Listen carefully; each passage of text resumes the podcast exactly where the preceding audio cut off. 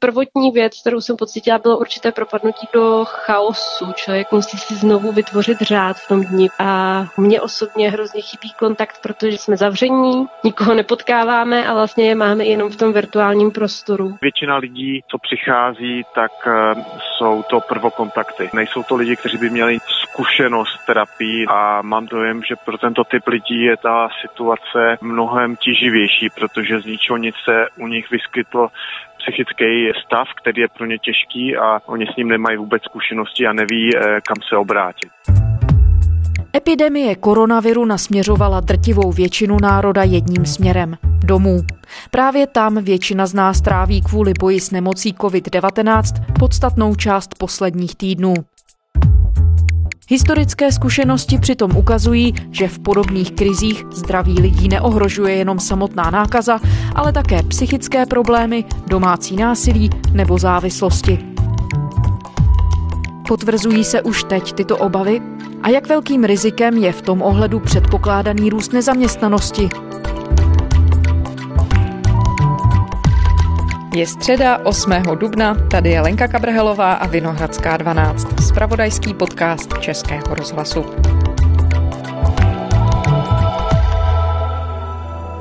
800 tisíc Čechů kvůli nouzovému stavu nepracuje. 300 tisíc z nich nemá finanční rezervy a už teď řeší existenční problémy. Tvrdí to datoví novináři serveru i rozhlas.cz. Domácí násilí, psychické problémy, vyšší spotřeba alkoholu. I takové negativní dopady může mít karanténa. Přibývá domácností, ve kterých je násilník a kolik lidí s vážným duševním onemocněním je teď za zavřenými dveřmi. Na to by už teď mohli znát odpověď datoví novináři serveru iRozhlas.cz. Pokusili se k tomu dohledat data, která nám teď předá Jan Boček z našeho brněnského studia. Ahoj Honzo. Ahoj.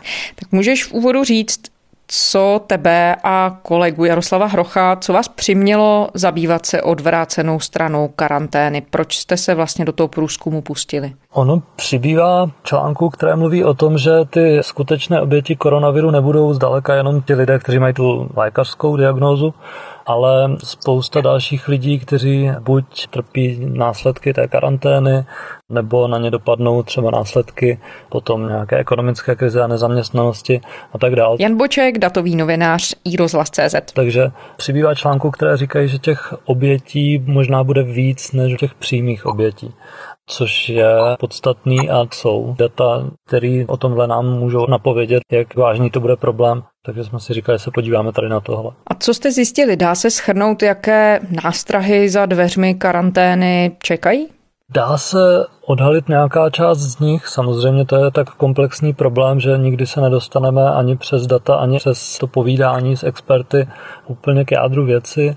Je tam nějaká pavučina problémů, které se navzájem podporují. Jsou to jednak právě ty psychické nemoci nebo psychické problémy, které velká část populace se s nimi neléčí a ty problémy má, takže tam jako je riziko, že se projeví tahle ta část. Další věc, která s tím úzce souvisí, tak je alkoholismus, který teď v karanténě má skleníkové podmínky pro rozvoj. Nouzový stav v Česku a výrazná omezení volného pohybu mění nákupní i životní zvyklosti lidí. Kromě potravin, látek nebo třeba dezinfekce stoupá obchodníkům i prodej alkoholu. Podle průzkumu agentury Nielsen vzrostl prodej alkoholu v uplynulých třech týdnech o 14% Podle oslovených obchodních řetězců se prodeje začaly mírně zvyšovat s vyhlášením nouzového stavu v Česku a také s výraznými omezeními volného pohybu. Potvrzuje to například online prodejce potravin Košík.cz a jeho mluvčí František Broš. No, obecně únor a březen patří k měsícům, kdy jsou prodeje alkoholu v porovnání se zbytkem roku nižší, nicméně teď od zhruba 11. března, což se plus minus kryje s příchodem eh, koronaviru do České republiky, vidíme, že ty prodeje alkoholu mírně, ale se trvale stoupají. Domácí násilí, to zase úzce souvisí potom s tím alkoholismem, takže těch problémů je tam v zásadě nekonečné množství, kamkoliv se podíváme, tak můžeme najít problémy, které se teď můžou zhoršovat a určitě je dobré o tom vědět a komunikovat se státní zprávou, s těmi složkami, které tady o tomhle by měly vědět a měly by s tím nějak pracovat. Honzo, a z jakých dat si vlastně vycházel, když se tedy začal těmi problémy zabývat? Je, je někde nějaký moment, na který se můžeme podívat a z něj se třeba poučit nebo si ho vzít jako východisko pro tu současnou situaci? Tak aktuální data samozřejmě nejsou. Obvykle data tady o těchto těch měkkých věcech, jako jsou třeba psychické problémy a tak, mají spoždění několik měsíců až třeba i několik let, protože málo kdy je taková situace, kdyby bylo potřeba pracovat úplně s těmi aktuálními daty. Výjimka je třeba nezaměstnanost, ale i tam se čeká, že se projeví vliv karantény a té nákazy až později. Takže ani tam ty úplně aktuální data neříkají rozsah toho problému. Takže jsme odkázali odkázní vlastně na studie, které podobné situace sledovaly v minulosti. Jedna z nich je studie z Hongkongu z doby, kdy tam začala epidemie koronaviru SARS v roku 2002, který je mimochodem příbuzný té současné nákazy. A ta ukazovala, že už v průběhu té epidemie se vlastně výrazně zvyšovala například sebevražednost právě v důsledku psychických problémů, nejvíc u nejstarší generace. Třeba u osob nad 65 let se tehdy meziročně zvedla sebevražednost asi o třetinu. To jsou ty přímé dopady psychických problémů nebo dalších možná i kulturních záležitostí, ty okamžité. No a potom jsou dlouhodobé dopady, které souvisejí právě třeba s nezaměstnaností a tam se můžeme dívat tady do Česka, protože takovýhle nárůst sebevražednosti jsme viděli po finanční krizi v roce 2008, kdy asi pět let po sobě tady ta sebevražednost stoupala a dosáhla nějakých 1700 lidí, přitom ten stav před tou krizi byl asi 1300 a dlouhodobě ta sebevražednost klesala. Tam bylo vidět tady nějaký výkyv, který do nějaké míry se pravděpodobně projeví i tentokrát tady u téhleté epidemie a následné ekonomické krize nebo zvýšené nezaměstnanosti, která pravděpodobně přijde.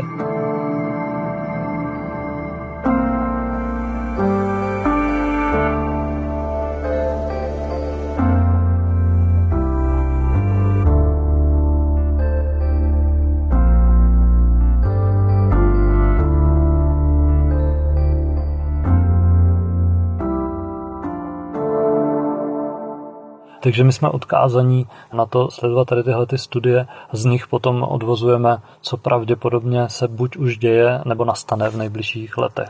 A když jsi říkal ta data 1700, 1300, tak to byly sebevraždy za rok?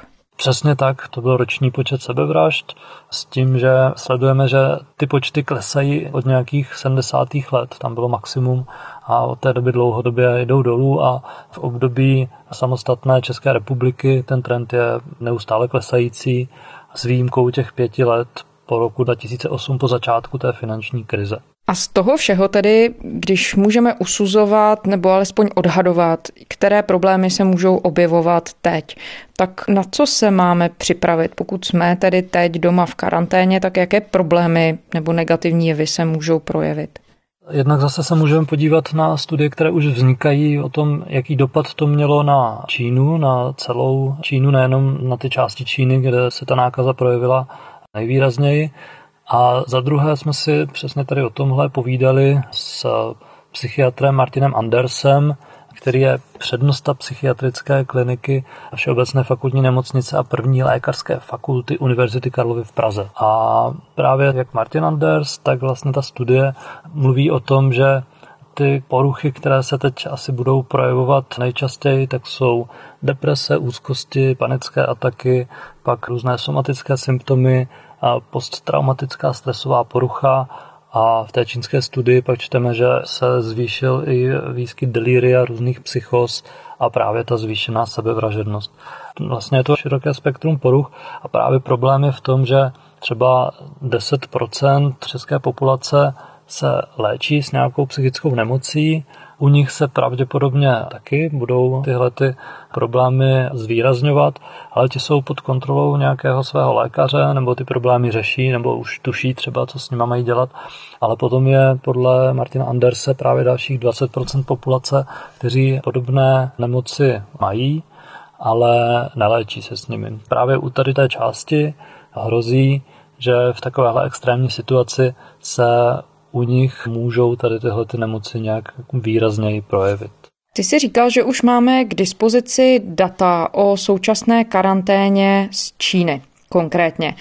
Co se tam tedy ukázalo, co z těch dat vyplývá? Kdo třeba je nejohroženější skupinou a tak dál? Z jedné z těch studií, v té se ukázalo právě napříč Čínou, že asi třetina čínské populace a je opravdu jedno, jestli to byly ty nakažené části Číny, anebo ten zbytek, tak asi třetina projevuje vážné úzkostné příznaky a asi 17% vážné depresivní příznaky. Ty ohroženější skupiny, tam byly ženy, studenti, a pak lidi, kteří v dotazníku zmiňovali své špatné zdraví, což je logické vzhledem tomu, že víme, že koronavirus je nebezpečnější pro lidi, kteří mají už nějakou komorbiditu nebo pro starší. Takže tohle jsou ty skupiny, které z téhle studie vyplývá, že jsou psychicky ohroženější. Další skupina potom jsou přímo ti zdravotníci v první linii, u těch je trošku problém, že oni objektivně jsou ohroženější, objektivně je u nich větší šance, že se tam budou vyskytovat psychické nemoci, ale zároveň většina z nich nemá výcvik na to, aby tuhle situaci zvládali. Sice v tuhle chvíli mluvím o čínské studii, ale předpokládám, že velmi podobná situace bude i v Česku nebo jinde po světě. Tohle může být ten problém. Část těch zdravotníků si třeba, pokud se nakazili a potom mohli nakazit další pacienty, tak si to klade za vinu a potom můžou být právě ty psychické problémy závažnější. V současné náročné situaci není jednoduché vyhnout se stresu a o to větší péči si zaslouží duševní hygiena, zejména u lékařů, sestřiček a mediků, kteří zažívají v posledních dnech a týdnech nebývalý nápor. Tak to by mohla vypadat duševní hygiena, která usnadní přečkat současné podmínky.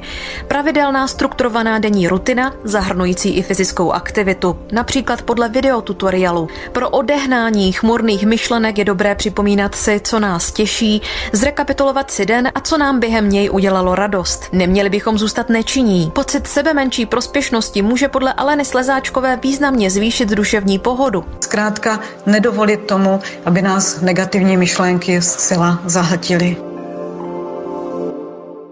Když jsi zmiňoval, že jste mluvili s Martinem Andersem, řekl vám, jestli se tohle všechno už projevuje v Česku? Tam je zvláštní efekt, že část těch klientů v současnosti tak je takzvaně mobilizovaná, to znamená, oni v tuhle chvíli, když si uvědomují to riziko, tak jsou schopní s ním nějak zacházet. Pak je další část klientů, kteří dokonce paradoxně se jim ulevilo. Například úzkostní pacienti, kteří standardně bojují s tím, že ta úzkost je jakoby bez příčiny a tuhle chvíli konečně mají nějakou tu příčinu, která vypadá objektivně, takže tohle je pro ně úlevný moment. Zároveň ubývá těch stresových situací mimo tu karanténu, mimo koronavirus.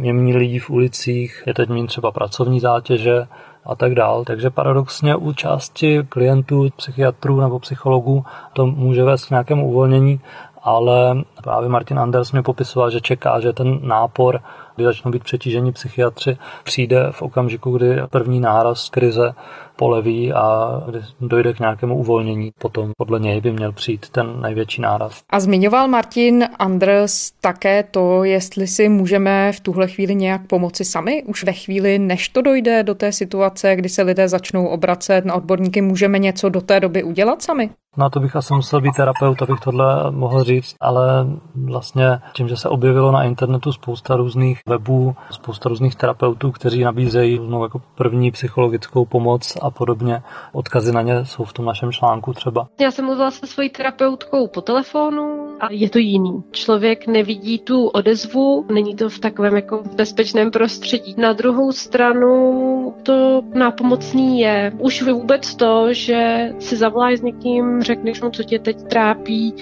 a že některé věci mi dokáže i doporučit, třeba meditaci. Popisuje svou první terapii po telefonu 28-letá Anna, právě přes telefon, nebo různé webové aplikace nabízí nyní terapeuti i psychologové své služby. Ty jsou díky tomu dostupnější i pro lidi, kteří ve svém okolí terapeuty nemají. Zájem lidí o psychologickou podporu potvrzují i data linky psychické pomoci. Dovolalo se tam třikrát více lidí než před nouzovým stavem a denně provolají až 20 hodin. Jedním z témat je, jak strach z nákazy ovlivňuje blízké vztahy, říká vedoucí linky Lucie Hermánková. Konkrétní příklad, dospělá dcera, která žije s rodiči, doteď všechno fungovalo, rodiče jsou starší, lehli v strachu natolik, že se rozhodli, že se na tři měsíce zabarikádujou doma, chovají se vlastně odpovědně, jenže protože ta dcera chodí do práce, tak jí oznámili, že se ze dne na den musí vystěhovat, protože prostě ji tam nechtějí. Vy v tom článku upozorňujete také na to, že se může zhoršit problém domácího násilí.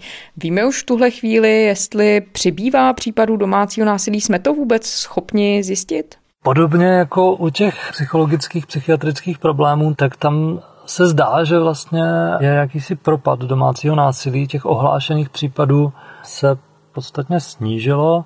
Třeba kladenská intervenční linka říká, že o 80%.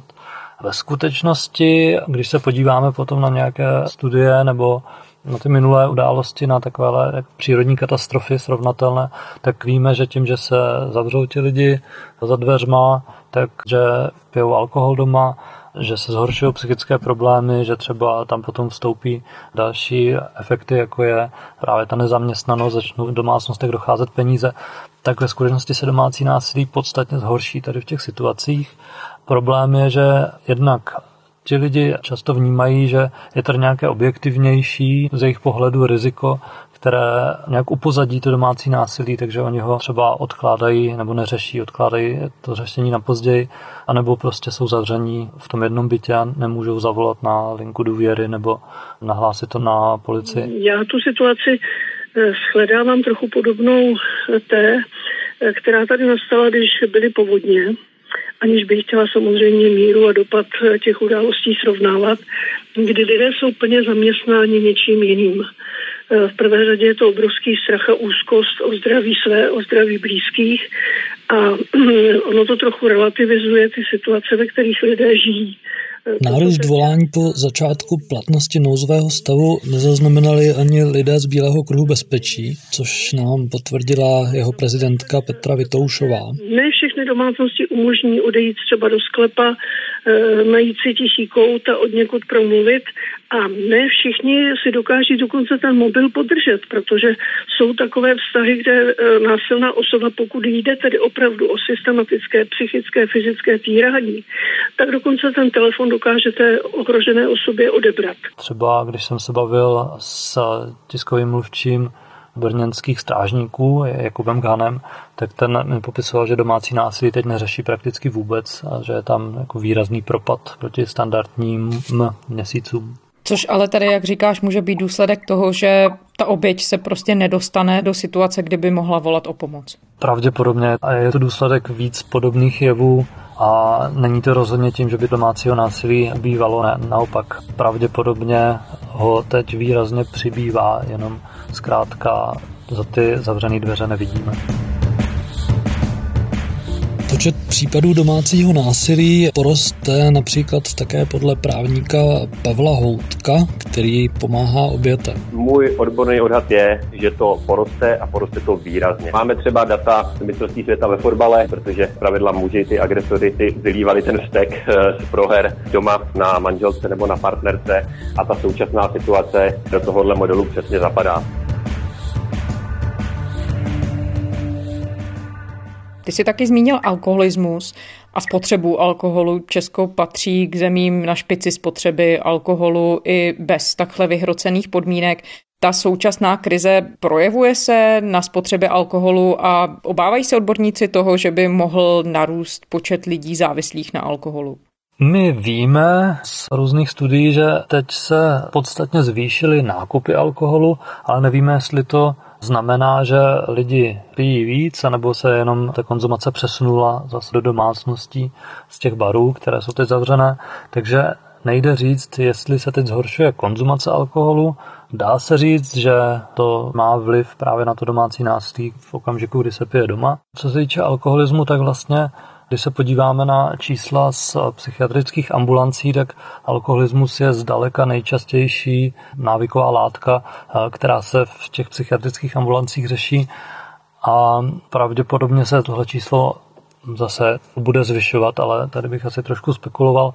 Zajímavé je, že druhá nejčastější návyková látka, se kterou se v těch psychiatrických ambulancích setkávají, jsou opiáty a opioidy, včetně heroinu. A tam právě může v současnosti nastat problém, Třeba to nám popisoval terénní pracovník pražské neziskové organizace Sananim Aleš Hercog, podle kterého kvůli uzavřeným hranicím došlo k výraznému snížení množství heroinu na drogovém trhu v centru Prahy a zřejmě i v celé republice. Vylétly ceny heroinu, zatím se to úplně neprojevuje na ceně pervitinu, ale může se stát, že jsou zase zavřené hranice, to znamená, že dojde k snížení dovozu těch prekurzorů, z kterých se vyrábí, takže tam je pravděpodobné, že to bude následovat. Odborníci se teď obávají, že závislí lidé budou přecházet na jiné drogy, například fentanyl, který je mnohem silnější než heroin. Zároveň ale někteří využijí situaci k tomu, aby drogovou závislost omezili. Nějaká část těch lidí využije tuhle šanci k abstinenci.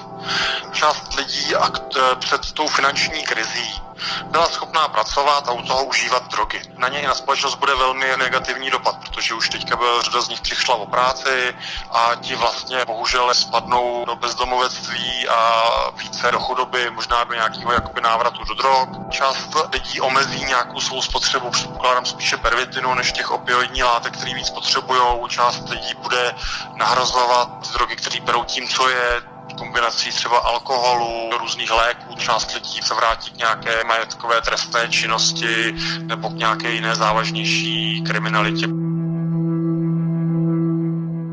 Honzo, pokud je to tedy tak, že ty nejtvrdší problémy spojené s dopady koronavirové krize přijdou až se spožděním, dá se odhadovat kdy? A na co se vlastně máme připravit?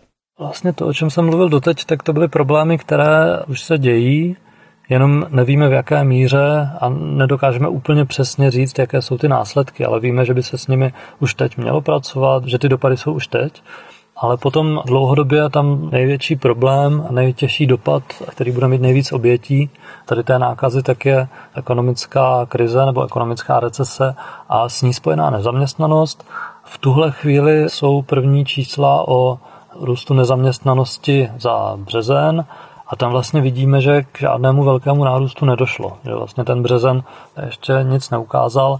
Na druhou stranu očekává se, že tady tenhle dopad začne být citelný od dubna dál. Březnová nezaměstnanost byla v Česku 3%. Podle dat Ministerstva práce a sociálních věcí zůstala na stejné úrovni jako v únoru a to i přesto, že začala platit mimořádná opatření proti šíření nemoci COVID-19.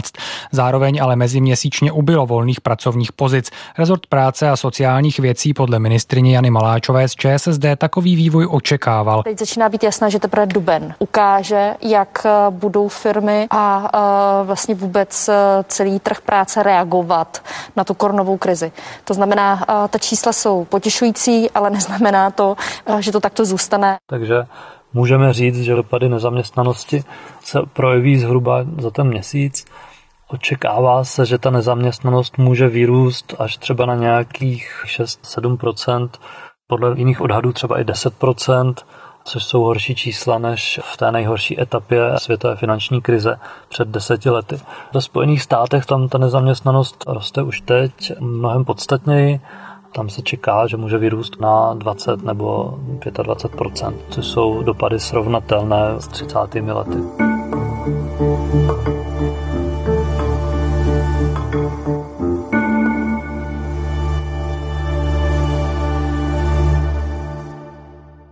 Jsi zmiňoval, že vědci už dřív prokázali souvislost mezi ekonomickým strádáním a sebevražedností, respektive, že to některá ta data naznačovala i třeba v případě Česká a finanční krize v roce 2008. Máme tedy v tuhle chvíli nějaké mechanismy, co se dá dělat, aby k podobnému trendu nedocházelo, nebo aby se dal při nejmenším zastavit, přibrzdit? Nejtvrději ta ekonomická krize dopadne skrz zvýšení nezaměstnanosti právě na, na ty nejchudší nebo na ty nižší třídy.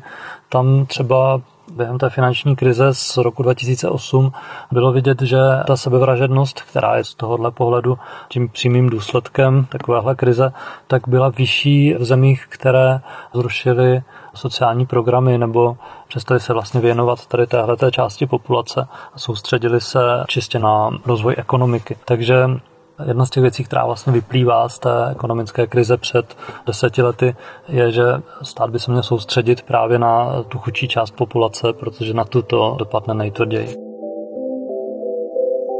Takže vlastně z toho všeho, co jsme tady říkali, vyplývá, že stát by se měl teď primárně postarat o ty, kteří právě nemají finanční zásoby nebo mají finanční zásoby třeba na měsíc dopředu a v tuhle chvíli ohrožuje nezaměstnanost. Na ty tahle krize dopadne nejhůř a asi tohle je ta věc, kterou by měl stát nějakým způsobem řešit a tady těm dopadům zabránit a nebo je aspoň zjemnit. Jan Boček, datový novinář i rozhlas.cz. Honzo, děkujeme. Díky a hezký den. A to je ze středeční Vinohradské 12 vše. Vraťte se k nám do podcastových aplikací, kde jsou všechny naše díly. Najdete je také na spravodajském serveru iRozhlas.cz.